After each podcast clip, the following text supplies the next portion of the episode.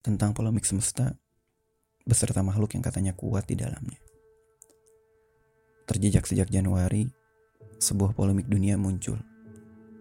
Menggegerkan pelosok negeri, hingga masing-masing lupa bahwa setiap nyawa punya peran di dalamnya. Memenuhi setiap jalan pikiran, hingga secerdas pun merasa bodoh.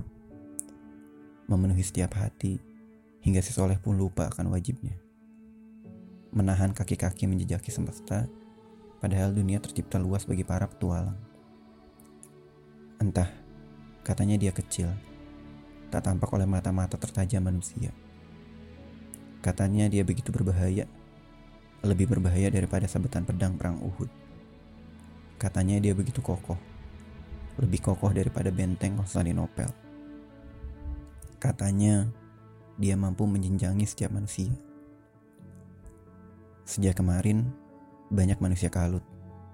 Mereka takut menatap manusia lain. Takut bersama-sama mendirikan saf yang rapat. Takut menjabat kerabat yang telah lama bersama. Takut pergi. Terkunci rapat dalam ruang-ruang pribadi. Bukan, bukan itu semua salah. Tapi barangkali dia membawa sebuah pesan tentang arti menjadi sesuatu yang baik, tentang arti bersama bergerak bagai serangkaian kepakan sayap burung penuh harmoni.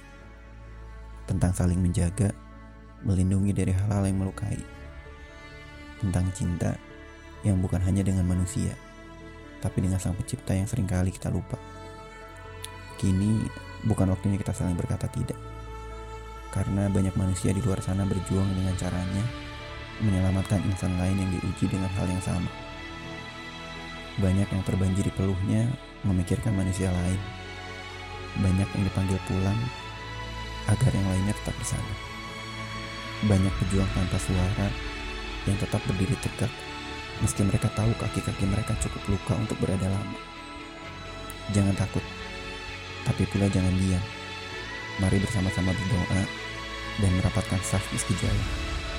Menerbangkan doa-doa dan usaha terbaik untuk bersama. Mari menjadi manusia, manusia terbaik.